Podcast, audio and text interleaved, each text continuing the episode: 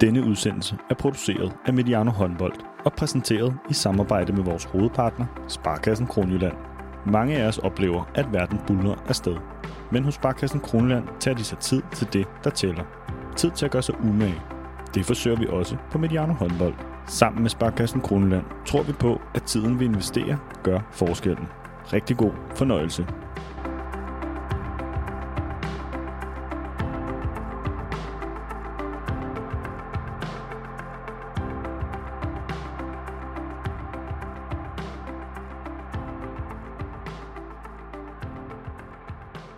Velkommen til Mediano håndbold. Det er blevet oktober. Måske er vores Indian sommer forbi. Træerne er begyndt at skifte farve, og efteråret er her. Heldigvis er der meget håndbold i hallerne, og om cirka 50 dage, der kan vi glæde os til VM i håndbold med det danske kvindelandshold. Jesper Jensens hold er ikke udtaget endnu. Men her på kanalen, der tager vi chancen og siger, at vi i dag skal møde en spiller, der i december skal spille VM i sin fødeby. En spiller, der har udviklet sig til en markant profil i ligaen og på det danske landshold – og som er en af de få, der aldrig er taget hjem for en slutrunde med et dansk kvindelandshold uden en medalje. Dem er der faktisk ikke så mange af. Emma Fris, velkommen til Mediano håndbold. Jo, tak. Hvordan er humøret sådan en fredag hos dig? Jamen, det, det er godt. Kampene, de, de ruller, så vi skal også være, være ret omstillingsparate på det. Og det, det er jo dejligt som håndboldspiller, at de, de bare kører. Men, men så er det en intensiv periode. Hvordan, øh, hvordan har du det med, det med, med den type periode? Jamen, jeg synes, det er sjovt. Nu har vi de seneste år spillet European League, hvor vi har holdt fri, eller hvor der ikke har været kampe før jul. Øhm, og det, det er jo lidt noget nyt, at vi skal spille Champions League øhm, her før jul. Øh, og det, det synes jeg er fedt. Det trives vi godt i, øh, og spiller på holdet. Øhm, og det er dejligt efter, efter kampene, at øh, man kan, kan både glæde sig over det, der er sket ind på banen, men at man også er nødt til at komme hurtigt videre, hvis der har opstået nogle, nogle ting, så, så det, det er dejligt at, at kunne fokusere på noget andet ret hurtigt efter. Og det er jo også gået ganske godt, skal vi tale om lige om lidt. Mm. Men Emma, tak fordi du vil være med i den her samtale. Vi bringer den i samarbejde med Sparkassen Kronjylland, der jo både er partner for os her på kanalen, men også for det kvindelige danske landshold. Og sammen med Sparkassen Kronjylland, der ser vi frem til VM, og jeg vil allerede nu sige, at vi glæder os. Men Emma, I er jo kommet helt vildt afsted i Champions League med udsejre over de tredobbelte mester for Vipers og franske Mets, og bare lige dine ord, hvordan, hvordan har den her indledning på sæsonen været? Jamen det har jo været øh, også vildt for os. Jeg tror udefra set måske lidt vildere, fordi at vi internt på holdet egentlig har været rimelig rolige omkring de præstationer, vi har lavet. Vi har ikke øh, gået øh, efter en kamp og følt, at vi har overpræsteret på nogen måde, så vi har været ret, øh, vi har selvfølgelig været sindssygt glade for, at vi kunne, kunne være med i kampene og har kunne vinde, men, øh, men der har været en god ro omkring det også, og det, det har næsten været endnu dejligere. Altså, du er jo øh, øh, trods alt en relativt ung spiller, men du har været alligevel været med i nogle år. Hvordan kan man så mærke sådan øh, stemning? Altså, eller man kan også sige på en anden måde, hvad så nogle sejre gør ved, ved et hold og en trup? Jamen, det, det er meget naturligt, at øh, stemningen er god, og øh, der, er, der er selvtillid på holdet. Der er, øh, ja, der, der er god kommunikation, og, og ja, det, det, det tænker jeg er rimelig naturligt, når, når det går godt på, på banen, både i, i Champions League, men også på, i, i den danske liga, så, så er der god ro, og det plejer vi at præstere godt under i hvert fald. Hvad betyder det for dig at være på sådan et hold? Jamen, det betyder meget. Øh, jeg kan også godt selv lide, når der, der er nogenlunde ro. Øhm, så øh, det, det er jeg glad for at være en del af, og nu har jeg været, været i klubben i mange år, så jeg har også været ja, jeg, jeg synes, det har været fedt at se den udvikling, det, vi har taget som hold, øhm, og været en del af det. Så øhm, det, det er jeg glad for. Din kære træner, Kasper Christensen, blev spurgt efter kampen mod Odense. Det, der var meget sådan, øh, er det to klubber, er det tre klubber, er I kast med i, i mesterskabet? Og sådan, øh, det var ligesom lidt den store historie. Det har vi også faktisk også talt om her på kanalen. Øh, hvordan, hvordan ser du det? Øhm, jeg, jeg vil gerne sige, at øh, man skal se det som tre klubber. Øhm, og jeg tror, at jeg vil sige til den her sæson, der skal man se det som tre klubber, der skal spille med om mesterskabet, fordi at de forrige år, der har både Odense og Esbjerg bare bevist, at de, øh, de er den tak bedre, øhm, når, når, når programmet ligesom bliver presset, og, og tingene skal afgøres til sidst, så har de lidt flere heste at spille på, hvor at jeg tror, at vi den her sæson kan, kan tage det skridt, fordi vi har fået, øh, fået nogle nye tilgange, som ligesom øh, kan, kan gå ind og afgøre de ting også. Og, og hvis vi bare lige går ned den sti, hvad, hvad betyder de tilgange? Hvad, hvad, er det, hvad er det, I har fået tilført? Jamen, vi har blandt andet fået øh, Marquesa i Rapkova fra, fra Viper, så hun er jo bare en virkelig, virkelig dygtig spiller, som øh, skal, skal gå ind og supplere alle de andre dygtige bagspillere, vi også har. Øhm, men jeg tror, at øh, vi har fået lidt flere heste at spille på. Der, der er lidt flere konstellationer, der øh, man kan bruge. Øhm, og det tror jeg også har været dejligt for, for vores træner, at vi der er mulighed for, for at iscenesætte rigtig mange kvaliteter på holdet. Øhm, og det er også det, jeg synes, vi har lykkes rigtig godt med her i starten i hvert fald. Kyniske sjæle, og så nogle har vi også med os nogle gange her på kanalen. Det vil sige, øh, uh, kast fantastisk hold, men det er jo til sidst, vi, vi, vi skal se det. Tænker du også, altså med den turneringsstruktur, vi har i Danmark, så er det jo de der semifinaler og, og, og så videre. Det er jo det, der kommer til at afgøre det hvordan, ja, altså, hvordan forbereder man sig det? Eller tager man det jeres gode spil med i over en hel sæson? Det bliver vel en kæmpe udfordring? Ja, det gør det. Det er også noget, som spiller, der er svært at, at skulle præstere under, fordi at det, det, det er bare svært at præstere igennem en hel sæson. Der vil altid komme op- og nedtur, og det ved det også som hold. Øhm, jeg tror, det, det vigtigste for os, det er, at vi kan holde et nogenlunde øhm, stabilt niveau, øh, og kan tage meget af energien med, vi får fra, fra Champions League-kampene ind i, i de danske ligakampe. Øhm, og, ja, og, og så, så tror jeg, at når vi så også når hen på slutningen af sæsonen, at vi, vi er lige de spillere og flere, der, der kan gå ind og bidrage, hvor at der er blevet trukket rigtig meget øh, læs på, på enkelte spillere i de forrige sæsoner, som, som har gjort, at, øh, ja, at der ligesom ikke var var energi til, til de afgørende beslutninger. Nu startede jeg udsendelsen med at sende dig til VM i december. og det, og øh, ja, det, det, den hænger så for mig med. Men, øh, men som spiller, nu har du så været til slutrunden der før jo, altså sådan en sæson, hvor, øh, hvor vi har hele det før, så kommer slutrunden, og så kommer der øh, tiden efter. Øh, ved du allerede nu, hvordan sådan, man så må sige, din krop, dit hoved reagerer på sådan øh, den belastning, når man så kommer tilbage igen og skal starte i januar og så videre?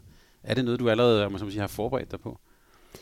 Ja, det har jeg allerede gjort mig nogle erfaringer på fra de forrige slutrunder, så det er jeg lidt mere afklaret med nu, at, øh, at det er sindssygt hårdt at være afsted til en slutrunde, både øh, fysisk, men også mentalt. Øhm, så det er jo dejligt, at man allerede kan, kan forberede sig lidt på det. Men hvad sker der så i januar for os, der ikke har prøvet det pres, og det, det, altså, er det sådan krop, er det kroppen, er det hovedet, hvad, hvad, hvad er det, der sker, når man kommer tilbage?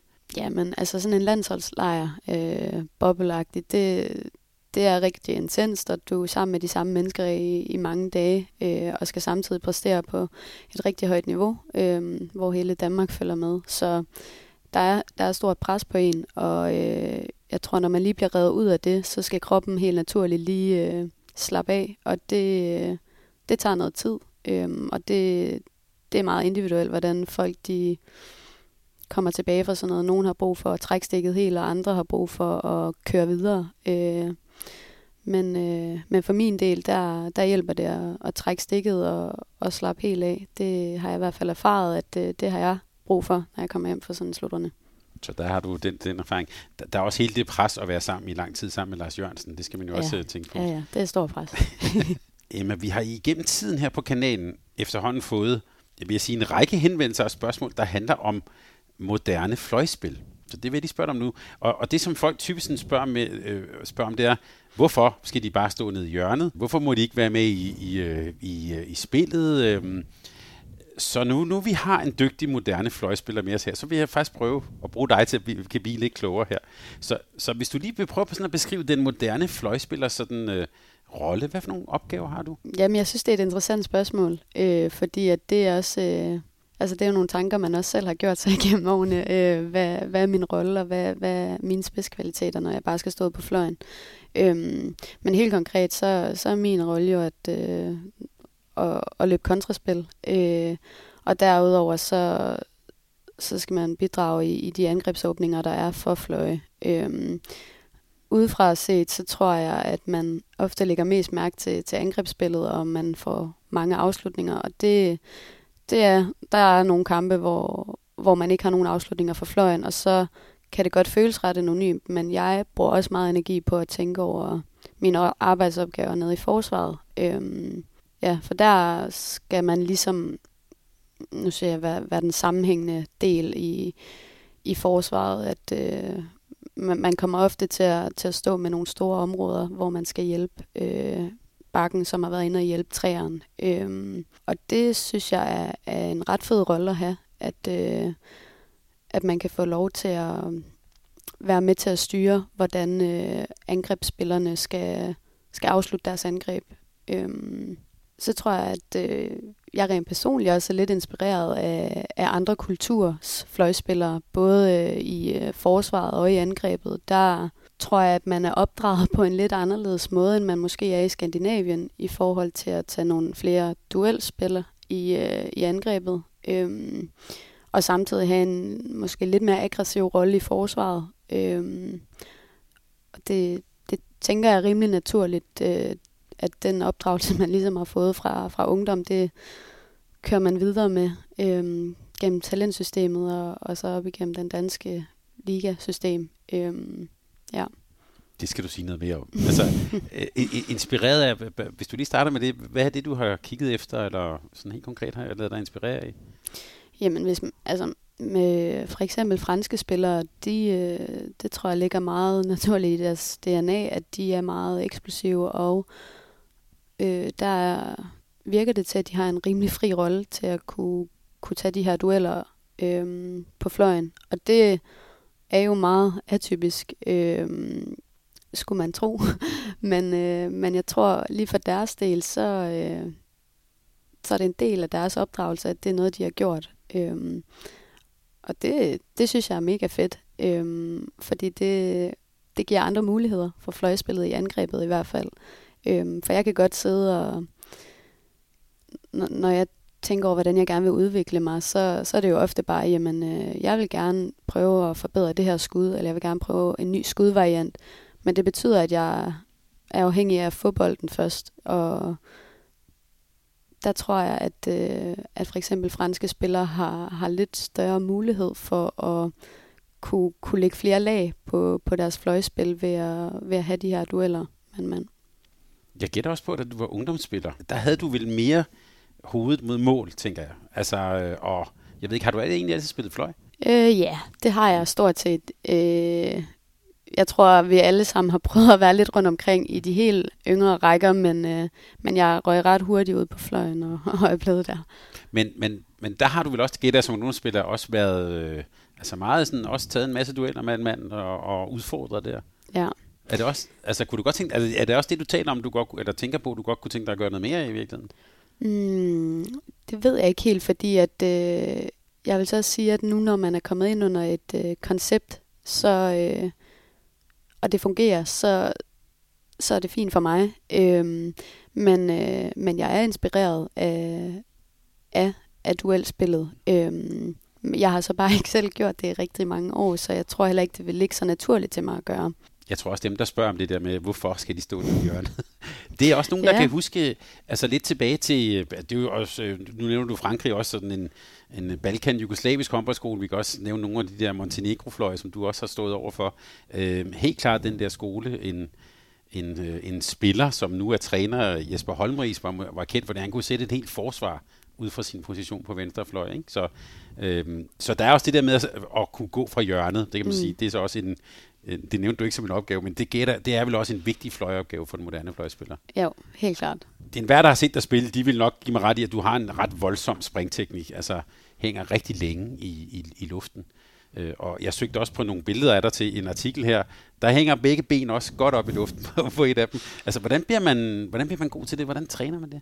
Jeg tror, det er en kombination af både ind i styrkelokalet og, og lægge noget, nogle timer i det, og så øh, egentlig bare øve sig rigtig, rigtig meget. I mine yngre dage, skulle jeg til at sige, eller men i min ungdomsår, der øh, eksperimenterede jeg meget med det at hænge langt og afslutte hurtigt, og hvad, hvad, hvilke muligheder giver det mig, og lige pludselig så finder man en god balance på det, og, og lidt sin egen stil i, hvad, hvor lang tid har jeg brug for at hænge, og hvad, ja, hvad er vigtigt i forhold til de skud, jeg gerne vil lave? Hvordan skal jeg så hoppe mod mål? Hvordan skal jeg så skal jeg hoppe højt? Skal jeg hoppe langt? Skal, ja, hvad, hvad er min indgangsvinkel ligesom til det? Øhm, og det kræver selvfølgelig, at du også bare har en helt basal styrke, som du får af øh, styrketræning.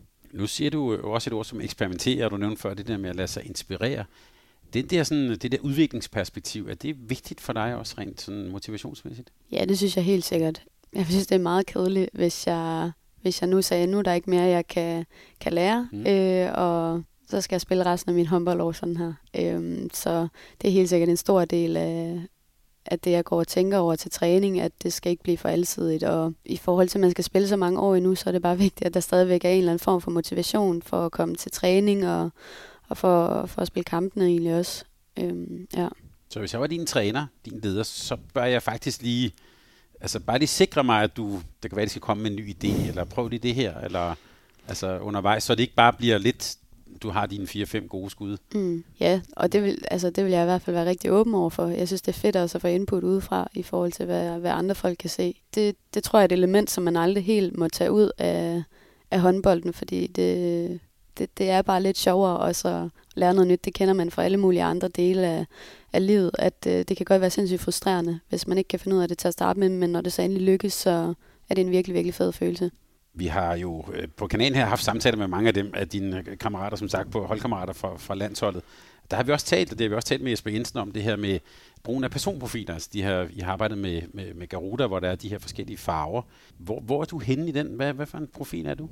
Jamen min er lidt speciel, tror jeg. Den er meget øh, placeret i midten. Jeg er lidt en kombination af alle farver. Øhm, og når tingene så spidser til, så hælder jeg nok mest ned til det grå og til at man holder sig til et koncept og, mm. og er lidt sikker.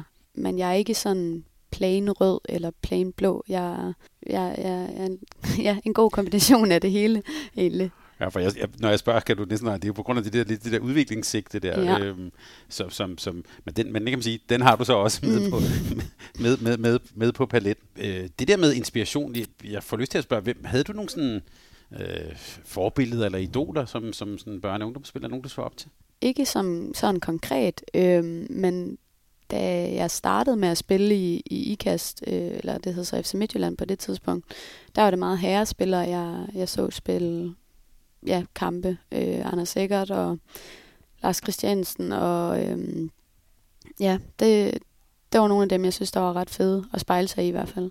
Og du har aldrig haft, altså Lars Christiansen, okay, han kunne godt lande lidt på skjoldet der, men sådan, jeg tænker, den der sådan faldteknik der, hvad, er det noget, du har, arbejder du med det?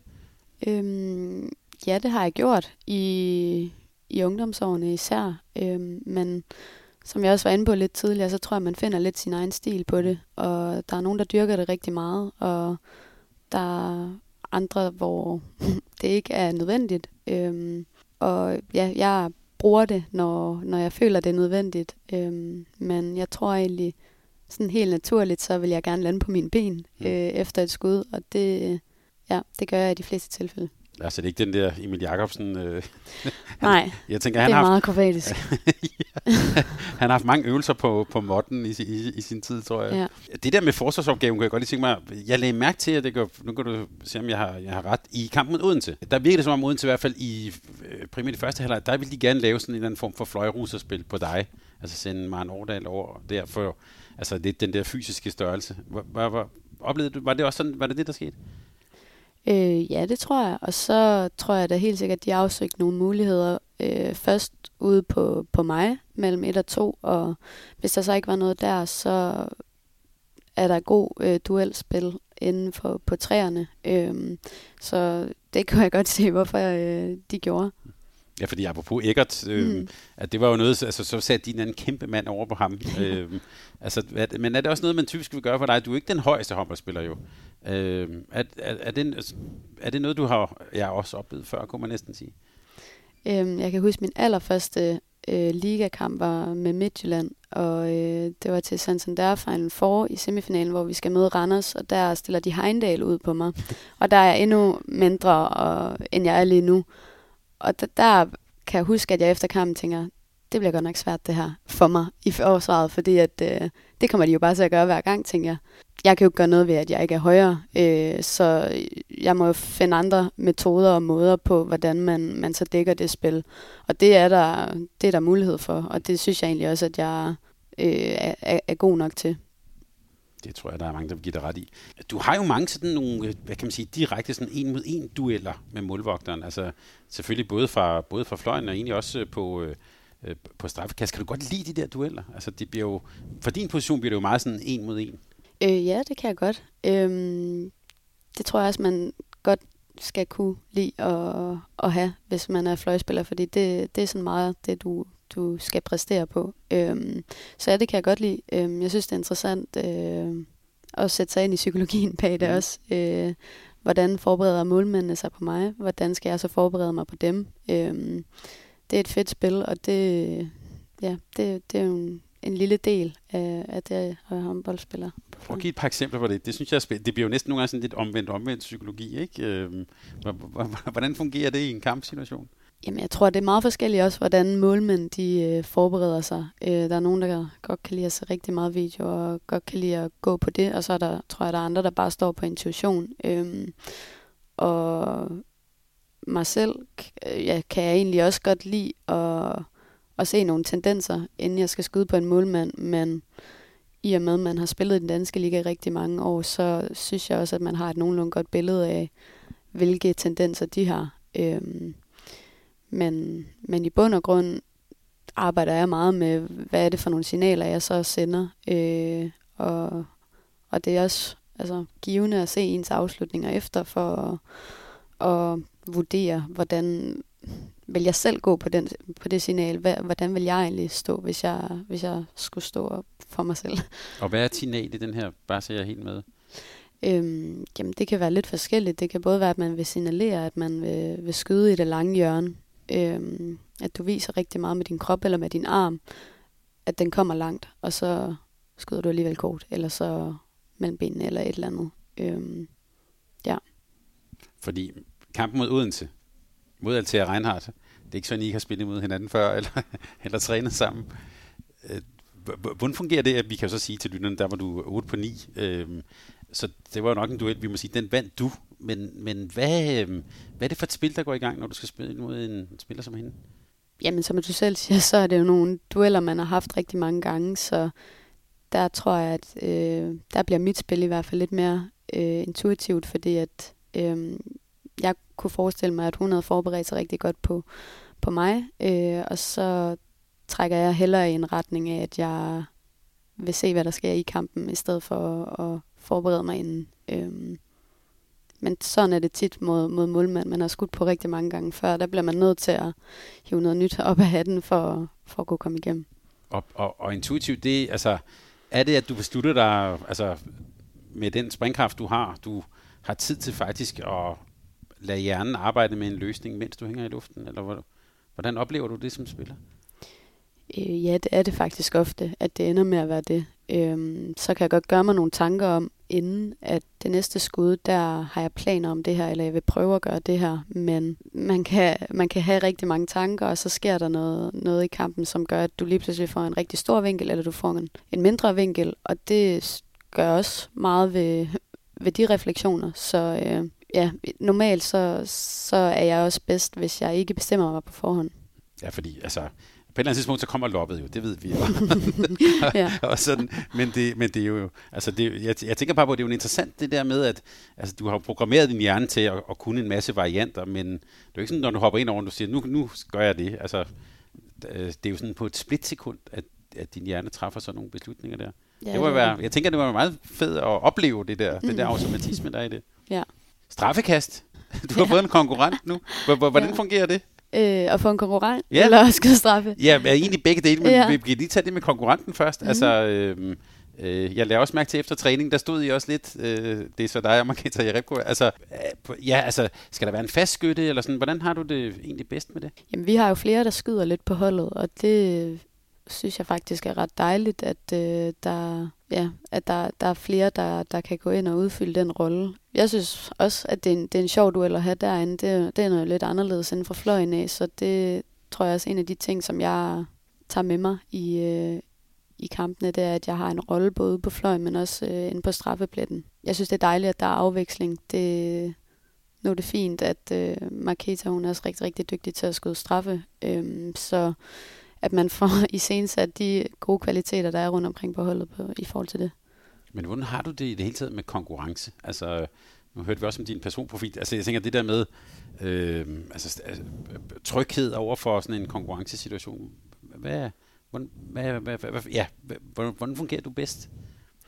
Øh, jeg tror, jeg fungerer fint under, under konkurrence. Det, øh, det synes jeg er et fedt motiverende element. Øh, sådan rent personlighedsmæssigt, der, der er jeg meget øh, søger tryghed, vil jeg sige. Mm. Øhm, men lige på håndboldbanen, der kan jeg godt lide, at der er øh, konkurrence, og at øh, der er noget, jeg kan skærpe mig på på en eller anden måde. Du er jo lidt af en øh, hjemmefødning, har jeg læst mig til. Eller i hvert fald, at du jo øh, er vokset op her om, omkring øh, Herning og IKAST, og du har, gået, du har så godt, godt nok gået på efterskole på Sine og så bor du i Aarhus, fortalte du mig, øh, inden vi gik afsted her. Men øh, din vej sådan ind fra ungdomshåndbolden ind i ligaen og, og landsholdet, hvordan vil du beskrive den? Den vil jeg egentlig beskrive sådan meget naturligt. Øhm, jeg gik i sportsklasser fra 7. til 9. Og det var ligesom der, jeg indsnævrede mig på, at jeg gerne ville øh, fokusere rigtig meget på håndbold og satse på det. Øhm, så var jeg på efterskole et år, og kom så tilbage, hvor der ikke var noget ungdomshold ind i Herning mere, så det var, det var naturligt, at jeg flyttede til IKAST. Øhm, og så endte jeg også med at være lidt heldig, fordi at på det tidspunkt, der skulle Fie Voller til øh, Tyskland, og de manglede så en venstrefløj op på ligaholdet. Øhm, så det gik rigtig stærkt med egentlig at komme ind på, på ligahold og komme ind i det setup. Øhm, men siden da har det egentlig været i, i doser, hvor jeg godt kunne følge med, vil jeg sige. Det har været... Øh, det, det har været rimelig naturlig udvikling for mig hele tiden at tage et skridt mere og få mere spilletid, øh, starte ind i nogle kampe, øh, få lov til at spille en fuld kamp. Øh, ja. Ja, for det var, det var det, jeg tænkte, du kom jo altså, ret hurtigt ind og spillede ligahåndbold. Men du siger, i nogle doser, det lyder som om, det var en god dosering. Ja, det synes jeg. Jeg havde i hvert fald oplevelsen af, at det ikke var, øh, var noget, hvor jeg blev helt overvældet af det. Øh, jeg brugte jo også rigtig lang tid i starten på at bare sidde på bænken og observere det hele, og være med på Champions League-ture, øh, uden at spille eller noget, og det, det lærer man også noget af. Øhm, så... Hvordan er det til at sige om, hvordan det... Altså, er det okay, eller hvordan har man det med det? Ja, det tror jeg. Altså, på det tidspunkt, der var jeg bare med, glad for at være med. Mm. Øh, så om det var på tur, eller bare hernede i hallen, hvor man skulle sidde på bænken, det var bare mega fedt så man sige til vennerne, jeg varmede godt op. Og... Ja, præcis. Jeg var 100% ude på bænken. præcis. Men du har jo faktisk også, jeg fandt faktisk et, jeg fandt et gammelt klip med dig øh, ja. fra, fra TV2, og, og også, også et par artikler, hvor du faktisk taler om, du bruger faktisk ordet angst, eller om, om det her med, eller, altså at være bange for at, øh, at fejle. Hvad, hvad, ja, hvad handlede det om, og hvad handler det om? Hvor, hvordan har du arbejdet med det i virkeligheden? Mm, jamen, det handler jo i bund og grund om, at man er, man er bange for at fejle, man er bange for, for at tage en afslutning, fordi hvad sker der, hvis jeg brænder? Øhm, og det, det tror jeg på det tidspunkt, at der, det var vigtigt for mig at få, få sagt højt og, og få talt om, at der blev lagt fokus på det, fordi at øhm, jeg vil sige, at der er kommet større fokus på mental træning de senere år, men på det tidspunkt var, var det knap, så øh, det var, det tror jeg var interessant at høre fra rigtig mange, at øh, der foregår rigtig meget op i hovedet, når man, øh, når man står inde i, i og har en duel inde på straffepletten, eller på fløjen, eller fra, fra andre steder på banen. Øhm, så så det, det er bare en ting, der er vigtigt at snakke om, og, og jo også er en del af at være elite idrætsudøver. Var det meget bevidst, at du var sådan åben omkring det der? Altså faktisk helt konkret, så var det til et eksamensprojekt. Så øh, det blev også, øh, altså det blev også portrætteret til deres side, men øh, jeg vil sige, at det var, det, det, det er uanset en rigtig vigtig dialog at have, øh, og, og noget, jeg synes, man rigtig gerne må være åben om øh, som håndboldspiller. Ja, det, jeg fandt jo også en skærmbillede, hvor du havde sådan åbenbart på dit spejl, hvor der står, jeg vil være verdens bedste venstrefløj. Ja. Hvorfor havde du det stående? Øh, jamen, det var til en ungdomstræning, da jeg nok har været U12 eller U14, hvor vores træner siger, nu skal I skrive det, som I gerne vil opnå som håndboldspiller, op på, på en seddel. Mm. Øhm, og det gik jeg hjem, og så skrev jeg det, fordi det var det, jeg gerne ville. Har du den stadig hængende? Der står hjemme med mine forældre, ja. ja. Men hvad, hvad, jeg, jeg kommer bare, jeg tænkte på, at du var ja, modigt måske lige frem og, og, og hænge det op. Hvad er det betyder for dig at have, have sådan noget stående der? Altså, det, er, det forpligter jo. Det, ja, det gør det. Jeg tror ikke, jeg havde tænkt det til fulde, da jeg skrev det, men øh, det var nok også meget... Øh, det kom lidt fra hjertet af, og sådan lidt, jamen det er det, jeg gerne vil. Så det hænger jeg op, og øh, så kan det på en eller anden måde også motivere mig, øh, når, jeg, når jeg stopper og skal til træning, eller øh, skal til kamp. Eller, Har det virket? Øh, ja og nej. Jeg vil sige, at øh, jeg, jeg brugte det faktisk rigtig meget i, i mine ungdomsår, fordi at det, det hang på spejlet, så det var det første, jeg så om morgenen. Øh, men der er også rigtig mange andre ting, der har, haft indflydelse på det. Men jeg, tænker, jeg, jeg spørger også, fordi i sådan en dansk sammenhæng, der er vi jo nogle gange lidt, at det kan godt være lidt farligt at skrive det, ikke? Eller, ja. øhm, og det var også med, som sagt, din tv-udsendelse og sådan noget. Altså, det, der vil der nok en ah, pas nu på, Emma, og, og sådan. Du har ikke, altså, det har du ikke oplevet sådan, at nogen, der har sagt, ah, spis nu lige brød til, og så videre. Må man godt drømme stort, kunne man også, måske også spørge. Ja, det synes jeg helt sikkert, man må. Øhm, nu tror jeg heller ikke, at jeg er typen, der var gået rundt og sagt til alle, der står det her inde på mit spejl. Som person er jeg rimelig øh, ydmyg omkring sådan noget. Øhm, så øh, jeg vil også være lidt overrasket, hvis der kom nogen og sagde til mig, kan du lige hive det der ned, fordi det kommer der aldrig til at ske. Øhm, men jeg synes, det var en fin ting for mig selv at, at gå og kunne kigge på og, og fokusere på. Øhm, ja. Og så, nu skal du ikke selv sige det, men så lad bare det stå for min regning. Så du er ikke langt for at have nået det mål, vil jeg så sige. Vi har haft mange udsendelser her på kanalen, som også har handlet om talentudvikling. Du nævnte også det der talentsystem og sådan noget. Og her for nylig var vi på besøg på en national samling i Vejen her i, øh, i, i september. Nu kan vi så godt sige, at det er lykkedes for dig at slå dig igennem. Øhm, så hvis du skulle give et par gode råd, eller måske også bare sætte et på, på, hvorfor er det egentlig lykkedes for dig at komme så langt, som du er kommet?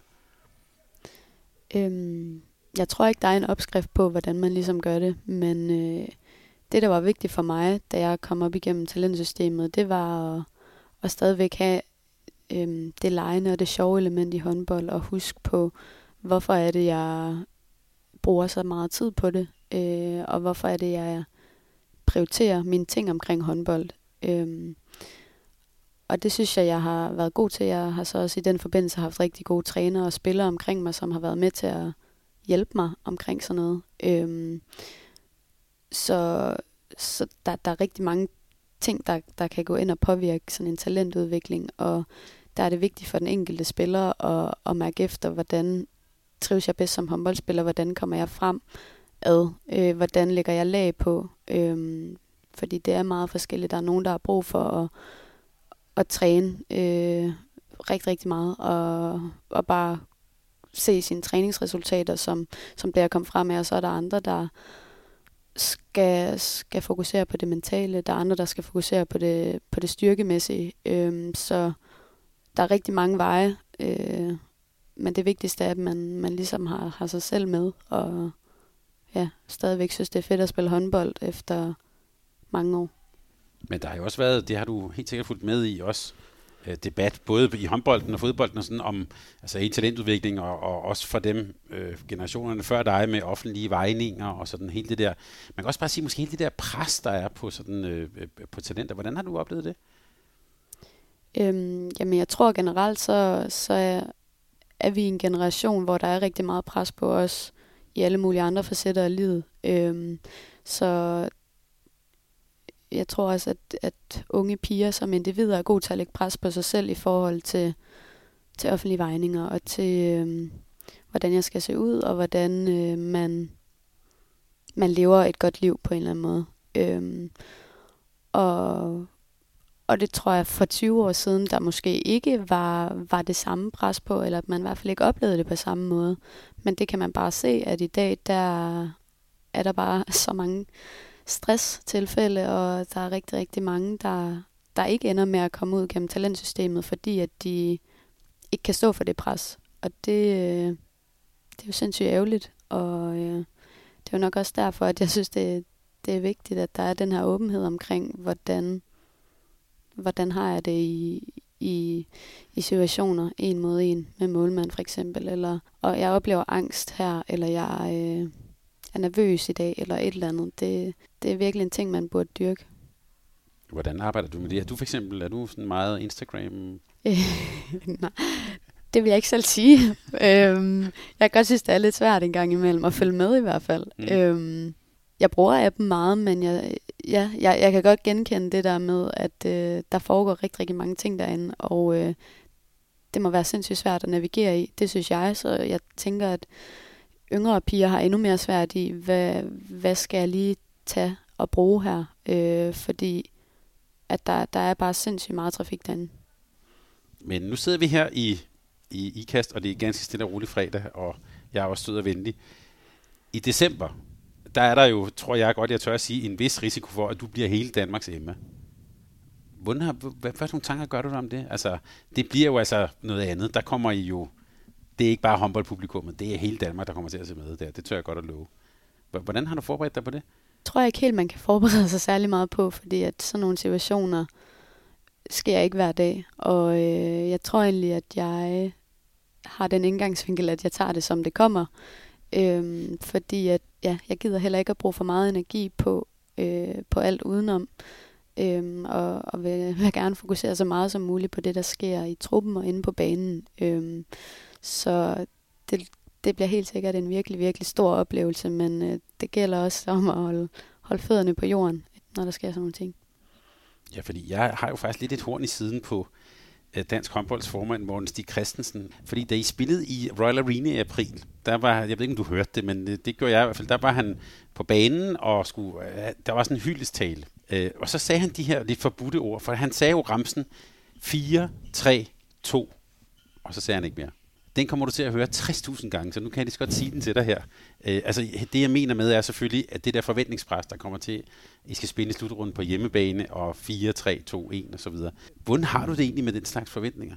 Øhm, det har jeg i bund og grund fint med, fordi jeg kan godt forstå, hvorfor de er der. Øhm, vi har gjort det rigtig godt de seneste par slutrunder, så det tænker jeg er helt naturligt, at, øh, at der er de forventninger, og det skal vi også være stolte af, der er. Men øh, jeg vil sige, at vi er gode til at snakke om det som hold, hvordan man, øh, hvordan man navigerer i det. Og så tror jeg også, jeg har det sådan, at de, der må gerne foregå rigtig meget uden for banen, og folk må rigtig gerne snakke om det. Men hvis vi selv kan holde ja, fødderne på jorden, øh, så, så skal det nok måske også lykkes. Det må vi godt tale om udenom og så taler I om noget andet indenfor, eller hvad? Altså, det, det, det, jeg, tænker, jeg tænker bare, det må være svært at kunne lukke den der, de der sådan ting ude. Det bliver jo, altså den der ramse, tror jeg, du kommer til at høre virkelig mange gange op til. Det bliver jo sådan helt opsnakket op til. Mm. Så der skal man være dygtig til lige at sige... Ja, og jeg tror også, at der, altså vi skal, vi skal helt sikkert bare acceptere, at de er der, øh, og så skal vi bare fokusere på vores egen opgave. Øh, fordi at jeg, jeg, ja, som sagt, så kan jeg godt forstå, hvorfor forventningerne er der. Men man bliver også bare nødt til at fokusere på det, der ligger foran en. Ja, det er jo, man kan så sige, det er jo noget, I har spillet jer til. Ja. den, den, den type forventninger. Selvom det godt kunne se ud, som om du har været med på landsholdet i, i mange år, så er det jo trods alt kun blevet til 40 A-landskampe, så vidt jeg lige kunne læse mig til. Hvordan vil du egentlig beskrive sådan din vej ind og din rolle på landsholdet? Øh, øh, ja, det er jo kort, intensivt. Øh, du har været med til slu, to slutrunder og så videre. Hvordan har den rejse været? Den har været god også. Jeg tror også, jeg, jeg har det lidt på samme måde, som da jeg kom ind i Liga håndbold, at det, det har været en rimelig tur, naturlig udvikling for mig at, at komme ind på det hold. Øhm, så, så ja, jeg vil egentlig sige, at jeg, jeg har været stolt af at være med de gange, jeg har, fordi at jeg føler, at jeg er kommet ind i en rigtig, rigtig god trup, hvor der, der virkelig er sket noget. Øhm, så ja, det, det har jeg bare været virkelig stolt af. Og det der med at tage den røde trøje på og nationalsang og sådan noget, hvad, hvad gør det for dig? Jamen, det er jo selvfølgelig altid en virkelig stor oplevelse, og det er også noget, nogle af de ting, som man skal minde sig om, at når man står der og tager den på, at der er virkelig, virkelig mange, der gerne vil det. Så øh, nyde det ekstra meget, øh, fordi at det, det er ikke hver dag, man får lov til det. Og hvis vi nu er ved det her 4-3-2-1 og sådan, øh, I var tæt på sidst. Det kan vi godt tillade os at sige. Hvad er det, hvad skal der bygges på, eller hvad er det for nogle ting, som vi skal holde øje med også her i efteråret, som, som er noget af det, som vi skal arbejde videre med? Jamen, jeg tror, at det, som der har fungeret rigtig godt de forrige slutrunder, det har, har også været lidt den kontinuitet, der har været omkring det spil, der er på holdet, og de spillere. Øhm, så det er helt sikkert noget, man vi selvfølgelig altid skal fortsætte med at arbejde videre på. Nu er der ikke øh, uendelige træninger frem mod sådan en slutrunde, så altså ofte så, så handler det også om lidt bare at tjekke ind i de ting, som, som fungerer rigtig godt for os. Øhm, så, så skal der helt sikkert også lidt noget nyt til, men ofte når vi er samlet, så, så handler det mere om at tjekke ind i, i det, vi er rigtig gode til i forvejen. Og det der med, når man så møder ind, nogle af dem er du jo faktisk også holdkammerater med her i kassen, men altså det der med at møde ind, hvordan, øh, hvordan er det? Er det ligesom... Det er virkelig, virkelig hyggeligt. Øhm, nu kender man også mange af de personer rigtig godt, fordi vi har været samlet ret mange gange. Øhm, så det er sjovt at spille mod hinanden som klubhold, men det er virkelig, virkelig hyggeligt at møde ind igen i, i en landsholdslejr, hvor man er på samme hold. Har du en fast øh, værelseskammerat? Det har jeg faktisk ikke, nej. Mm. Der, det er lidt forskelligt. Til slutrunder plejer vi at have nogenlunde faste. Nå, du er sådan en, man kan... Du, du er jo midt i den der person, så du, du er sådan ja. en, man altid kan placere. Ja. der, der kan man placere.